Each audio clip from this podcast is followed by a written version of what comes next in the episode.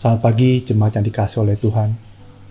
Pada pagi hari ini saya akan bagikan renungan yang diambil dari kitab Kolose, yaitu satu surat yang dituliskan oleh Paulus kepada orang-orang percaya yang ada di Kolose.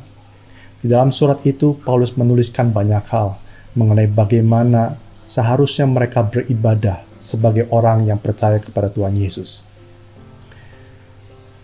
Di antara tulisan-tulisan yang ada, ada satu tulisan yang sangat menarik bagi saya, yang dulu saya tidak pernah terpikir bahwa ini adalah bagian daripada ibadah kita sebagai orang yang percaya. Mari kita buka di Kolose 3 ayat 18 dan 19. Hai istri-istri, tunduklah kepada suamimu sebagaimana seharusnya di dalam Tuhan. Hai suami-suami, kasihilah istrimu dan janganlah berlaku kasar terhadap dia. Sebagian kita mungkin berpikir bahwa ibadah kita adalah ketika kita ada di dalam gereja, ketika kita bermain musik, ketika kita bernyanyi, ketika kita menyalami orang, ketika kita menjadi tim setup, ketika kita melakukan pelayanan demi pelayanan yang ada di dalam kehidupan jemaat. Namun Paulus ingin menegaskan dalam tulisannya bahwa kehidupan suami dan istri adalah bagian dari ibadah setiap orang yang percaya kepada Tuhan di dalam nama Yesus. Kenapa kehidupan suami istri ini juga menjadi bagian ibadah kita sebagai orang percaya?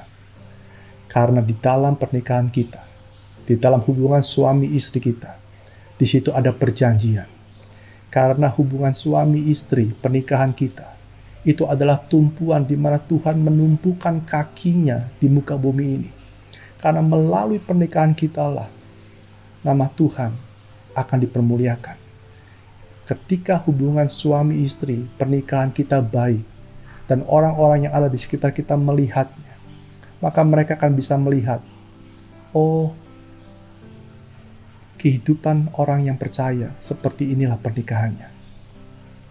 Jadi sekali lagi, Kenapa membangun hubungan suami istri sangat penting?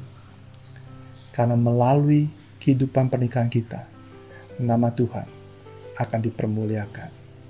Terima kasih. Saya berdoa melalui renungan pada pagi hari ini bisa membangun setiap pasangan, setiap keluarga yang ada di dalam jemaat berkat bagi bangsa. Terima kasih, selamat pagi dan Tuhan memberkati.